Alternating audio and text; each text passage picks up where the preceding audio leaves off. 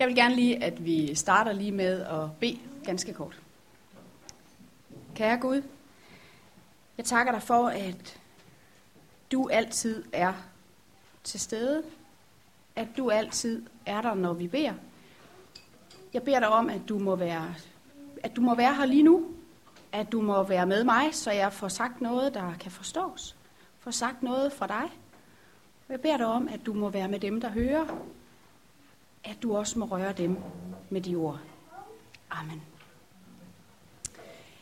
Ja, sådan hvem jeg er, det vil jeg, øh, det vil jeg komme ind på sådan lidt hen ad vejen, tror jeg. Men øh, jamen, jeg hedder Lisbeth, og jeg har øh, min mand, og jeg har to af mine børn med. Øh, og det jeg vil prøve at tale lidt om, øh, jeg har egentlig ikke aftalt så meget med Svend, han spurgte bare, om jeg havde lyst til at komme, og så øh, har jeg sagt til ham, hvad jeg sådan lige synes, jeg vil tale lidt om, så det kan godt være, at... Øh, at det bliver sådan meget overraskende. Så I kan ikke klandre Svend i hvert fald, hvis det, jeg siger, det ikke var det, I havde regnet med. Men jeg vil tale lidt om bøndens velsignelse. Og øh, for mig så bøn er ikke bare sådan en talestrøm til Gud. Det er sådan en dialog mellem Gud og mig. Øhm, det er ikke sådan, at Gud han, han svarer mig på den måde, at jeg sådan hører det, ligesom jeg hører, hvis jeg taler med et andet menneske. Så tror jeg faktisk ikke, Gud han svarer ret tit. Der er dem, der siger, at de har hørt Gud tale sådan helt konkret.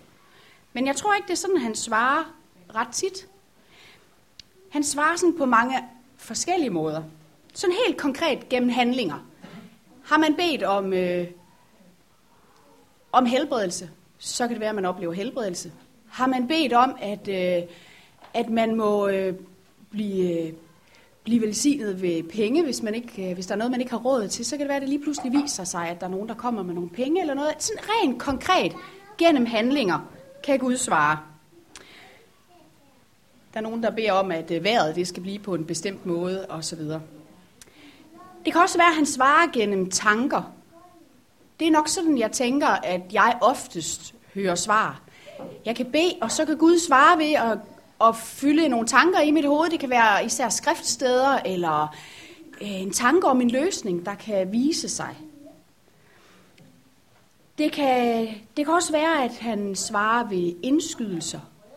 Vi har måske alle sammen prøvet det med, at vi føler os tilskyndet til at gøre et eller andet, til at sige noget, og, og bagefter så tænker vi sådan, hvor kom det lige fra? Hvorfor var det lige, jeg gjorde det?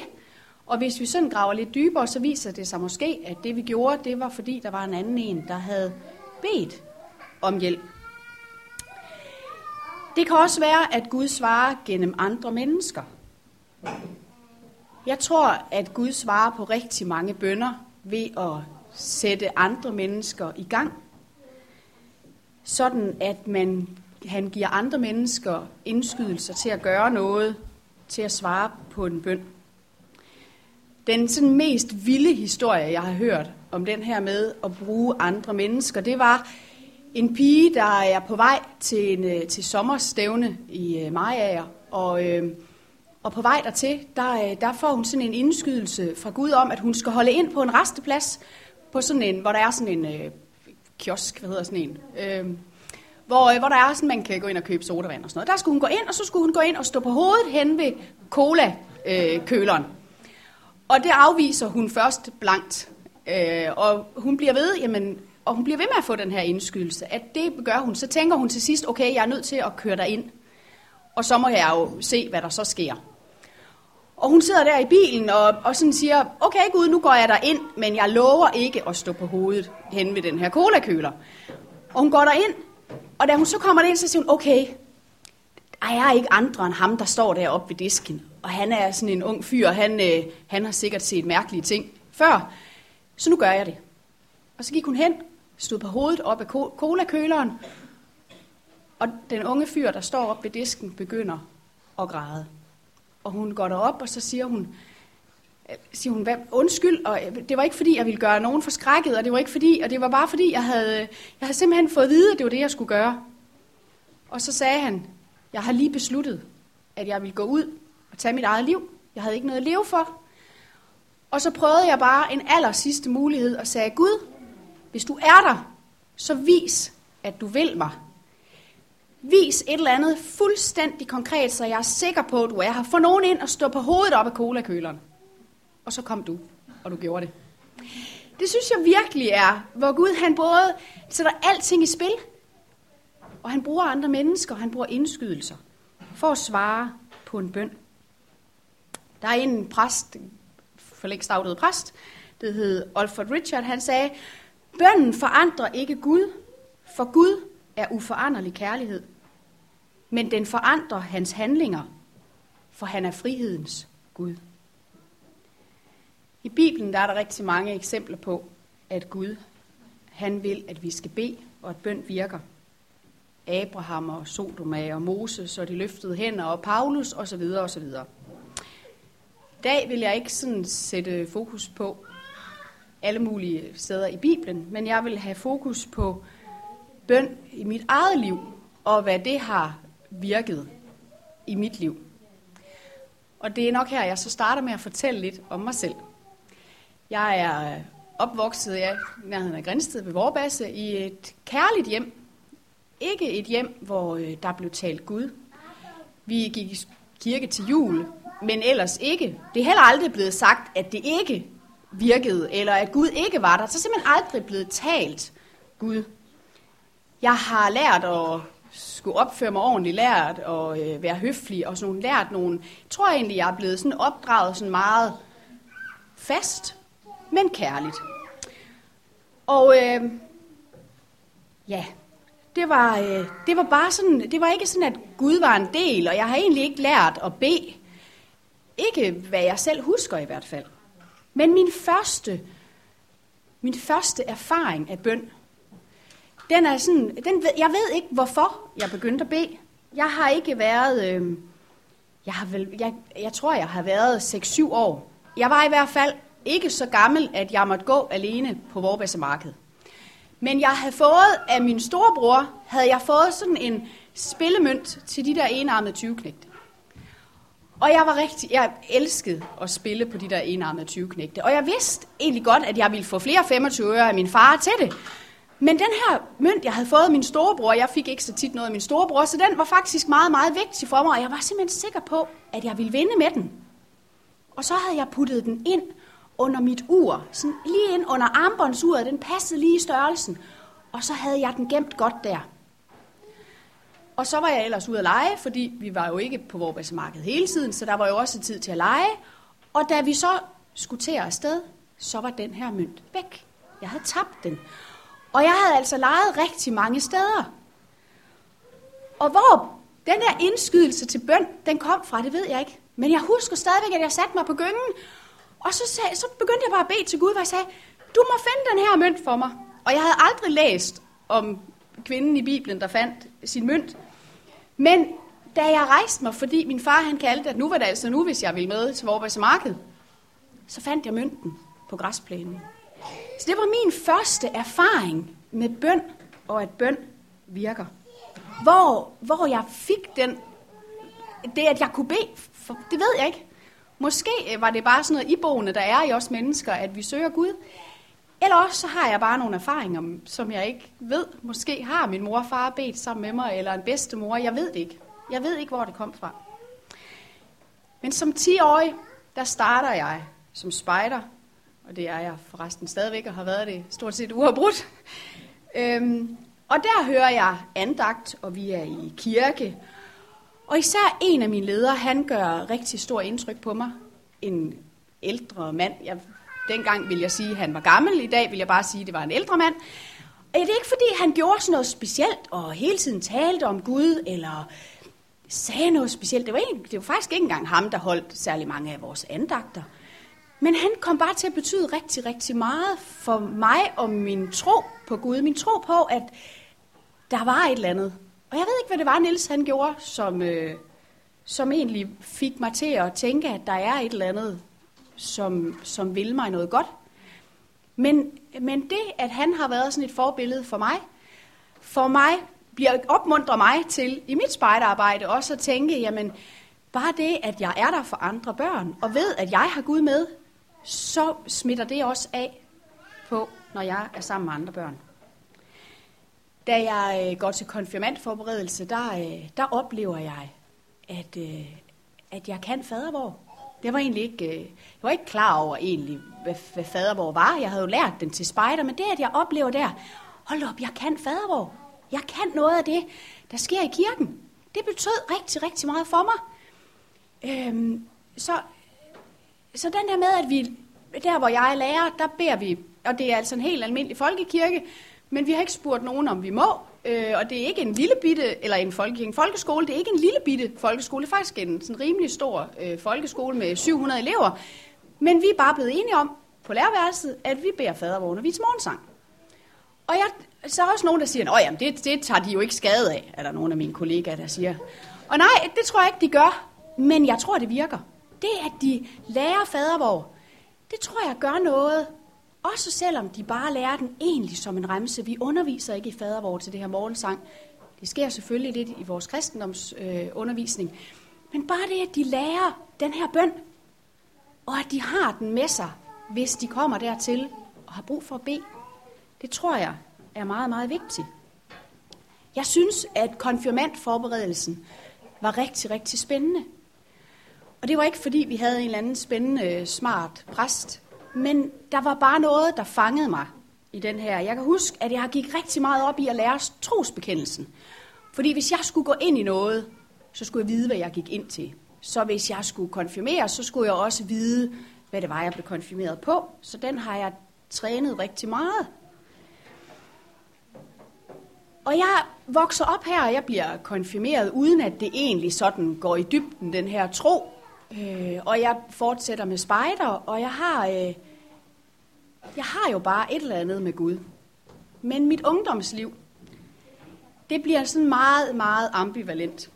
Jeg søger stadigvæk Gud sådan i spejderarbejdet, og jeg har noget fællesskab med nogle andre kristne venner. Men sådan i praksis, så lever jeg nok mit liv på en noget anderledes måde. Jeg har mange forhold. Jeg øh, har min jævnlige gang på værtshus, og det kan jeg fortælle rigtig meget om, hvad det liv, det gør ved en selvværd langt op i voksenlivet, men det er slet ikke det, det handler om i dag. I spejderarbejdet, der er jeg blevet øh, an, sådan ansvarlig tropleder, og det er mig, der står for, øh, for de her unge piger. Det var KFM, eller KFK spejder, så vi havde kun piger. Og det er mig, der står for holde andagter, og, øh, og det gør jeg også. Øh, jeg læser i Bibelen sammen med dem, uden at det egentlig betyder ret meget. Og jeg lever stadigvæk mit liv på værtshus rigtig, rigtig meget. Og øh, i det her spejderverden, der er der en, øh, en ældre dame, som hedder Elsa. Jeg har stadigvæk rigtig stor kontakt med hende. Hun beder rigtig meget for spejderarbejdet. Det her det får jeg først at vide langt senere, men jeg får at vide, at hun har bedt rigtig meget om, at pigespejderne de må få en kristen spejderleder.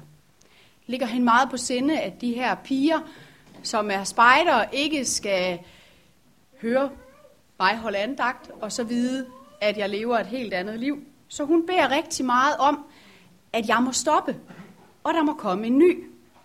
Det indrømmer hun senere, at det var nok ikke den, det var nok ikke den bøn, hun skulle have bedt. Hun skulle nok ikke sådan rent konkret have bedt om, at jeg måtte stoppe, men det var bare sådan rent automatisk, så var det bare det, hun tænkte. At hvis Lisbeth stopper, så må vi få en ny spejderleder, der er kristen. Mit liv ændrer sig meget bræt, kan man sige, da jeg øh, som 20-årig bliver gravid. Øh, hvis sådan noget kan ske ved et uheld, så var det det, der skete. Jeg var alene, fordi barnets far ville ikke, øh, ville ikke være en del af det. Og øh, jeg havde rigtig stor opbakning fra min familie. Og øh, de venner, jeg har i spejderlivet, de bakker mig også rigtig meget op. Og øh, Else, hun tænker, okay, nu stopper hun, og så kommer der en ny. Men det gjorde jeg ikke, fordi det var faktisk i spejderarbejdet, at jeg oplevede den her omsorg, og jeg oplevede, at her var der nogen, jeg kunne være sammen med. For det gav ligesom sig selv, at det der med at gå i byen, det måtte stoppe. For nu havde jeg en søn, som jeg skulle tage mig meget af. Og jeg fortsætter som spejderleder. Og jeg synes egentlig selv, når jeg sådan kigger tilbage, så går det egentlig ret godt. synes faktisk, at jeg klarede det der med at være enlig mor og gå på seminariet og være spejderleder og synes egentlig, jeg klarer det ret godt. Men jeg tager hatten af for alle enlige mødre. Og det sværeste, synes jeg, det var faktisk ikke at være der alene og skulle klare det hele selv og stå tidligt op og vaske tøj og alt det der. Det værste var ikke at have nogen og dele de øjeblikke med, hvor barnet kravler for første gang, hvor barnet smiler og alle de der dejlige ting, som man gerne vil dele med nogen. Da Jakob han er ni måneder, der dør han. Jakob han, øh, han bliver slået af en, der passer ham. Så han dør faktisk af kraniebrud. Og, øh, og det, der sker i dagene der kort efter, når sådan noget det sker, når, når nogen dør i hjemmet, uden der er sygdom bag, uden der har været, så kommer politiet ind i det. Og det gjorde det også her. Og jeg har øh, Jakob døren torsdag, og der går øh, torsdag, fredag, og jeg sover ikke. Jeg drikker kaffe, og jeg ryger rigtig mange smøger, og spiser måske lidt chokolade, men ellers så går tiden bare. Jeg taler en del med politiet, og græder rigtig meget, og øh, ved simpelthen ikke, hvad der sker. Da det er lørdag, så bliver jeg anholdt. Øh, man havde fundet ud af, ja, det får jeg at vide bagefter, at det var ikke så svært at se, øh, at øh, der var sket en forbrydelse her. Og jeg bliver anholdt, og det gør den mand, der senere bliver dømt for det også. Øh, og jeg kommer til at sidde i, øh, i fængslet. Og i Grænsted, der har man ikke sådan en, jeg tror slet ikke, det er funktion, altså det, man bruger det slet ikke længere, men dengang det eneste, man brugte de celler til i Grænsted, det var detention. Hvis man hentede folk, der havde drukket for meget, så kunne de få lov at sove ud der. Det så virkelig ud som sådan en celle fra film. Der var sådan en, det lignede sådan en briks fra lægen af, og der var sådan en gummimadras på. Og så var der et øh, lille aflukke, hvor der var et øh, toilet. Væggene, det var bare betonvægge, og der var bare skrevet, det så værre ud end et offentligt toilet. Og der skulle jeg sidde, indtil det blev min tur til at blive afhørt, for man valgte at afhøre manden først. Og der sidder jeg der. Jeg måtte ikke have noget med mig, man skal tømme sine lommer. Øh, jeg har ikke, øh, jeg har ikke fundet ro nogen steder. Men da jeg sidder der, så lige pludselig, så begynder jeg at synge altid frejdig, når du går. Og øh, man kan sige, hvor kom den sang fra? Det er jo ikke en sang, vi sådan normalt synger. Den havde, øh, den havde min matematiklærer faktisk lært mig. Hun havde skrevet i øh, min poesibog, der havde hun skrevet det sidste vers. Kæmp for alt, hvad du har kær. Dø om så det gælder. Der er døden ej så svært. Eller der er livet ej så svært, døden ikke heller. Og den havde bare gjort, at jeg blev interesseret i, hvor kom det her fra, og derfor havde jeg lært den sang. Så den begyndte jeg at sidde og synge. Og i andet vers, der synger man, at hvis man har fader hvor med, så har man altid Gud med sig. Så mens jeg sidder og synger den her sang, der falder jeg i søvn. Så den her oplevelse med at være anholdt og sidde fængslet, bliver det første sted, hvor jeg siden Jakob dør, finder fred og finder ro. Faktisk så betjentene noget overrasket, da de kommer ned til mig efter to og en halv time og ser, at jeg ligger og sover. Det havde de simpelthen aldrig nogensinde oplevet før. De havde været nede ved mig, sagde de et par gange, for at se, om jeg nu trængte til kaffe, eller hvad jeg gjorde. Og de havde været nede for at spørge mig, hvilken pizza jeg ville have, for nu synes de, klokken var blevet så mange, at de synes jeg skulle have noget at spise. Men de synes ikke, at de ville vække mig. Og den sang, den, den betød meget for mig, og flere gange i det forløb, der kørte bagefter, der sang jeg den her sang. Og hvis jeg ikke selv kunne synge den, så fik jeg andre til det. En af gangene, der ringede jeg faktisk til en seminarie, øh, kammerat, som jeg kendte ham ikke ret godt, men jeg vidste, at hans far var præst, så han måtte da kunne den sang. Så jeg ringede til Nils, og han bor på, øh, på kollegie sammen med tre andre unge fyre, og jeg, det eneste, jeg siger til Nils, det er, gider du ikke godt synge altid Friday, når du går for mig?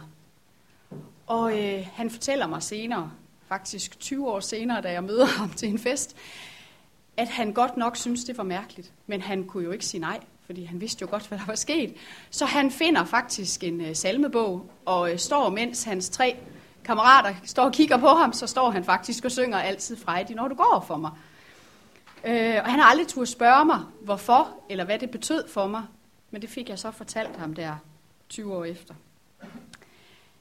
Jeg bliver løsladt med det samme. Efter at have blevet afhørt, så bliver jeg kørt hjem.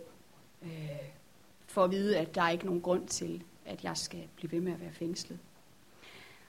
Og de første, der besøger mig, fordi i sådan en lille bitte by som Vorbasse, der er det rart at bo, hvis man, hvis man ellers indordner sig under normerne, og øh, alting går, som det skal, så er det rart, at der er omsorg for hinanden. Alle kender alle. Men i det her tilfælde, så var det ikke så rart. Fordi nu var der jo faktisk noget, folk skulle tage stilling til. Skulle de holde med mig, eller skulle de holde med Jan? Og den, der besøger mig, eller de to, der faktisk besøger mig, uafhængig af hinanden, så kommer Else, der bad for spejderne, og vores sovnepræst. Og egentlig havde jeg ikke ret meget med nogen af dem at gøre, andet end jeg ved, at de begge to havde bedt for mig. De kommer og besøger mig, da jeg er allermest alene og allermest bange. Og jeg ved, at de rundt i byen satte rigtig meget forbøn i gang. Jeg ved, at min kommende mand, han også var en del af den forbøn.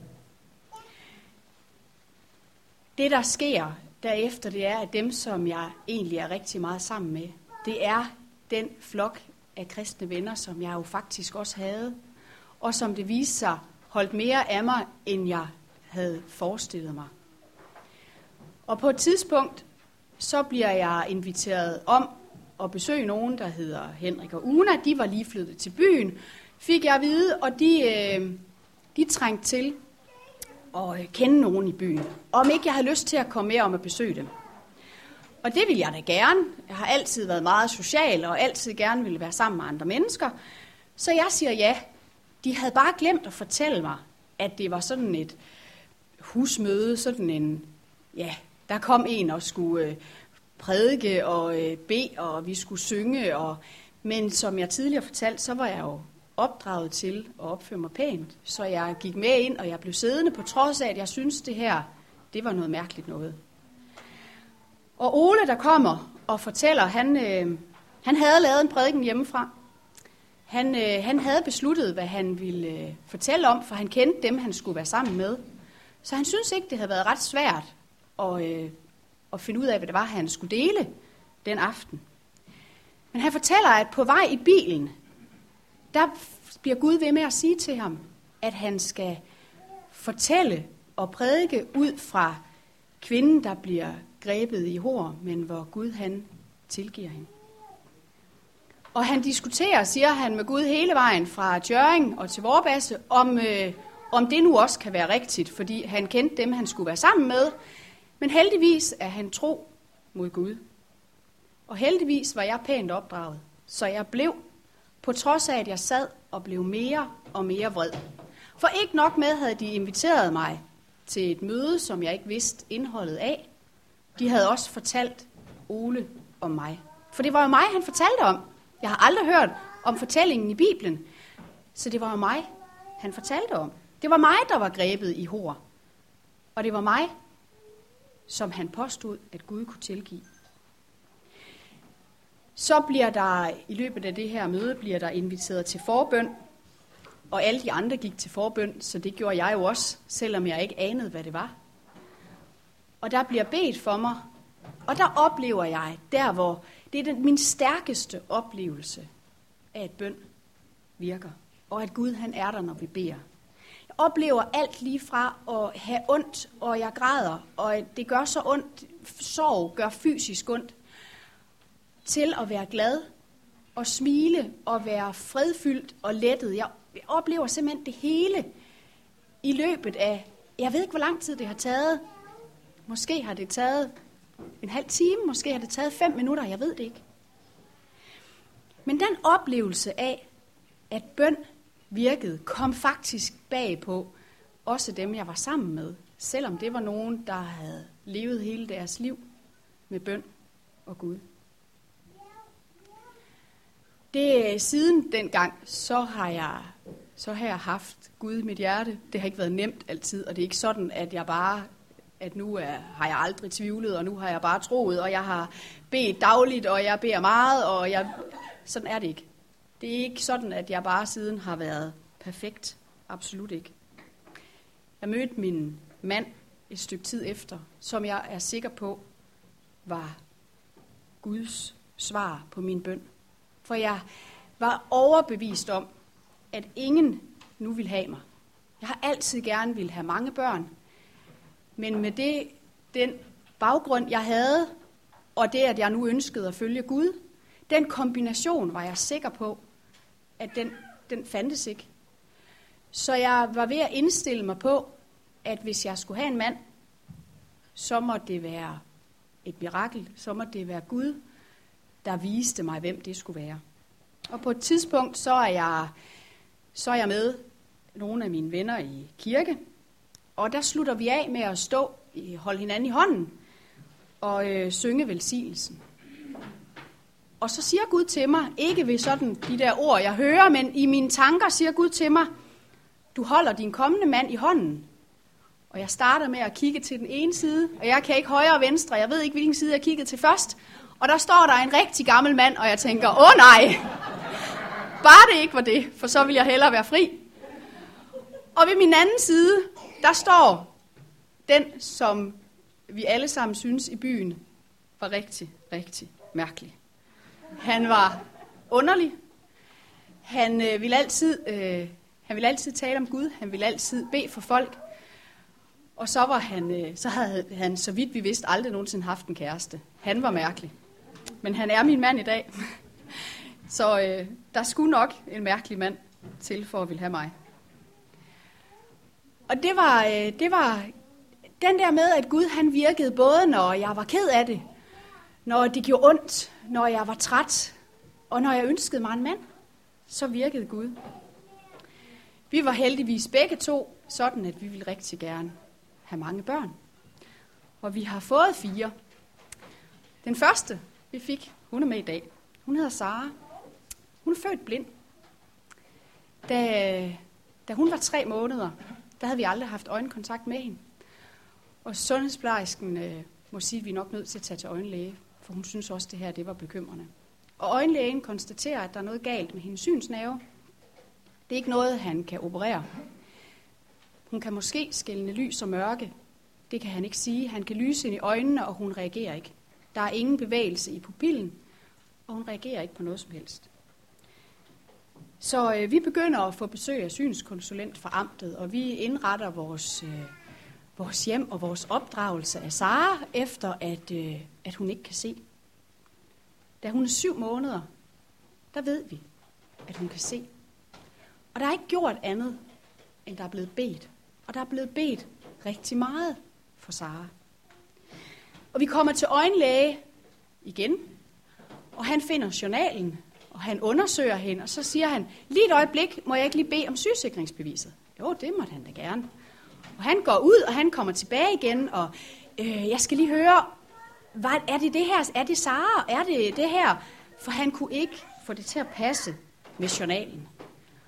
Og vi må jo fortælle, jamen vi har bedt. Det er det, der er sket. Ja, det forstod han nu ikke, fordi det mente han ikke, at det kunne ske. Så han mente, at der må være en fejl i hans journalsystem. Og øh, Sara, hun kommer ikke mere hos den øjenlæge. Hun bliver overflyttet til øh, sygehusets øjenafdeling. Og øh, i det hele taget, så begynder hun på undersøgelser på sygehuset, hvor vi får, da Sara er 10 måneder, og jeg er højgravid med vores andet barn, så får vi diagnosen, at Sara er retarderet. Sara ligger på ryggen. Hun bevæger ikke armene, så den tager dem ikke ind. Sara putter ikke noget i munden. Hun vender sig ikke. Hun kan sidde meget, meget usikkert. Men ellers så er der ikke nogen udvikling. De finder ud af, at hun har ikke nogen faldreflekser. Det vil sige, at hun tager ikke hænderne ud. Det har gjort, at hun har slået ansigtet rigtig mange gange, når hun er faldet. Vi får at vide, at hun vil nok aldrig komme til at gå. Hun vil i hvert fald aldrig komme til at klare sig blandt normale børn. Hun bliver sendt i vuggestue, hvor der kommer en fysioterapeut, som aldrig nogensinde får lov at røre hende, for Sara hun skriger højt, bare han nærmer sig. Så han, øh, han giver os nogle øh, ved faktisk at vise, fordi i mellemtiden, der, har vi, der er Sande født. Og ved at vise de øvelser, vi kan lave med Sara, dem viser han på Sande, fordi selvom Sande hun er nyfødt, så er deres bevægeapparat stort set det samme. Og da Sara hun er to, der kan hun faktisk gå. Og det sprog, som de sagde, hun nok aldrig ville få, det skal vi lige love for, at det er kommet. Og øh, Sara bruger det gerne på at fortælle om sit liv med Gud. Fordi for Sara, der betyder Gud også rigtig meget. Vi har fortalt Sara, at der er blevet bedt rigtig meget for hende. Sara har det sådan, at hun kan godt svede rigtig meget i hænderne. Og på et tidspunkt, hvor vi er afsted på noget sommerstævne, så er det så slemt, at jeg faktisk synes, det er efterhånden rigtig træls at gå og holde hende i hånden, fordi hun sveder virkelig meget i hænderne. Og jeg siger, Sara, du er simpelthen nødt til at have noget papir med dig, fordi du er simpelthen nødt til at skal tørre dig i hænderne. Fordi det her, det er simpelthen et stort problem. Og hvis du kommer og skal lege med andre, eller du skal komme og sige goddag til nogen, så er det altså rigtig vigtigt, at du kan få tørret dine hænder. Var det ikke nemmere at gå hen til Ole, så han kunne bede det væk, siger hun til mig. Og det gør hun. Og faktisk så oplever hun hele sommeren overhovedet ikke at svede i hænderne. Det kan godt komme stadigvæk, men så beder hun. Sara har også oplevet at vågne op om natten med mareridt, og vi kan ikke gøre noget. Vi trøster, indtil hun selv en dag kommer på, mor, kan jeg da ikke bare bede Jesus om at tage de mareridt, så jeg kan sove? Og Sara gør det selv, og det virker jo. Vores andre børn, at bare sådan kort fortælle lidt om, hvordan deres, fra de var helt små, faktisk godt kan have et bønsliv. Vi havde det sådan, at når vi skulle putte vores børn, så sluttede vi altid med at bede. Og med Sanne, hun var sådan en, det er nummer to, hun ville ikke rigtig bede højt. Sara har altid talt som et vandfald og bedt som et vandfald, og Sanne, hun ville ingenting. Så jeg tænkte, nå, kan vide, hvad vi har gjort galt her, kan vide, hvorfor Sanne aldrig vil bede til Gud. Indtil hun en dag får mig til at slappe af ved at sige, mor, gider du ikke godt at stoppe nu og gå ud, fordi der er lige noget, jeg skal snakke med Gud om, som du ikke skal høre. Så tænker jeg, okay, så er det godt. For jeg taler også tit med Gud om noget, som andre ikke skal høre. Line, som er vores tredje pige, hun er sådan meget konkret. Og hun har bedt altid meget konkret. Hun er sådan en, at når vi skulle i Legoland, og hvis det regnede, så gik hun ud på trappen og råbte højt til Gud, om ikke godt, at regnvejret kunne stoppe, for nu skulle hun altså i Legoland, og det var hun ikke ret tit, så det var rigtig, rigtig træls, hvis det skulle regne. Og vi oplevede faktisk tørvejr i Legoland. Emil, som jeg også har med i dag, sidder dernede. Han viser i den grad tillid til, at bøn virker. Når han har slået sig, så slutter han altid dagen med, mor, vi skal bede til Gud, for han har skabt mig sådan, at jeg kan blive hel igen. Og det synes jeg jo er helt fantastisk. Når alt er godt, så glemmer jeg nogle gange at bede. Når alt bare føles rigtig godt, og tingene de kører, og det går godt på arbejde, det går godt derhjemme, og det går godt med spejderarbejdet, vi har de ledere, der skal til, og alting kører. Økonomien kører måske endda også, som den skal. Så glemmer jeg nogle gange at bede. Og så er det, jeg tænker, okay, jeg skal lige huske, at der er noget, der hedder takkebøn. På et tidspunkt, så var der en, der sagde til mig, du skal altid starte din bøn med at takke. Og det får mig til også at huske, at når alting går godt, så takker jeg. Men jeg takker også, når jeg synes, tingene ikke går godt. Men der er også svære perioder. Områder af livet, hvor jeg synes, det er rigtig, rigtig svært at bede. Så prøver jeg at være ærlig. Men det er bare så svært for mig nogle gange at bede. Tungetale virker nogle gange, fordi når jeg ikke rigtig selv ved, hvad jeg skal bede om, så kan jeg bede i ånden og bare bede, og så ved jeg, at Gud han forstår det, selvom jeg ikke selv forstår det. Men jeg kan faktisk godt have perioder, hvor jeg ikke kan bede, og hvor jeg kan vågne om natten. Jeg har travlt, og øh, tingene kører måske ikke på arbejde, og øh, børnene opfører sig måske ikke helt som de skal, og alt muligt andet, og så synes jeg, det kan være rigtig, rigtig svært at bede. Og der er min erfaring, at hvis jeg skriver mine bønder ned, så virker det. Fordi så får jeg ro på. Så nogle gange så skriver jeg, og jeg læser det ikke bagefter, fordi det har jeg prøvet en gang, og jeg fik ikke hovedet at have i det, fordi der jeg plejer ellers ikke at skrive med masser af stavefejl, men det gør jeg, når jeg skriver bønder ned. Og sådan en periode har jeg, har jeg lige, og er stadigvæk midt i, fordi jeg har en veninde, som har fået konstateret kræft for tredje gang, og har fået at vide, at det kan ikke helbredes. Og der var det bare rigtig, rigtig svært for mig at bede, for jeg vidste ikke, hvad jeg skulle bede om. Turde jeg bede om helbredelse, når jeg nu ikke helt rigtig måske turde tro på, at det ville ske. Og der mens jeg øh, med en anden veninde går tur i skoven, hvor vi går og snakker om, at det her det er rigtig, rigtig svært. Vi sætter os, det er jo, hun har tre børn, og jeg har fire, og vi var nødt til at finde en eller anden skov, øh, for at finde et sted, hvor der var ro, og hvor vi kunne gå tur. Og så sad vi i bilen på sådan en parkeringsplads, hvor der var masser af liv omkring os, og sad og bad. Og der viser Gud mig et billede af en bog, ikke sådan en bog, man læser i, men frugten fra et bøgetræ, og et æren fra et egetræ. Og så ser jeg, jeg tænker straks, jeg er sådan en, der synes, at jeg kan styre det hele og ved, hvad det hele det betyder. Så jeg tænker straks, okay, Gud vil vise mig et eller andet med en spire. Og rigtigt, frøene puttes i jorden, og de begynder at spire, og opvokser et bøgetræ og et egetræ, ikke særlig overraskende. Og så siger Gud, du var ikke i tvivl om, at der vil komme et bøgetræ og et egetræ. Du tænkte ikke på noget tidspunkt, der kommer nok et kastanjetræ.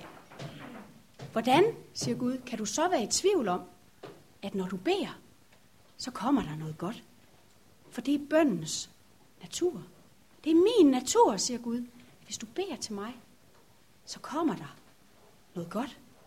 Ligesom du ikke er i tvivl om, at der kommer et bøgetræ, hvis du sover en bog så må du aldrig være i tvivl om, at hvis du beder til mig, så kommer der noget godt.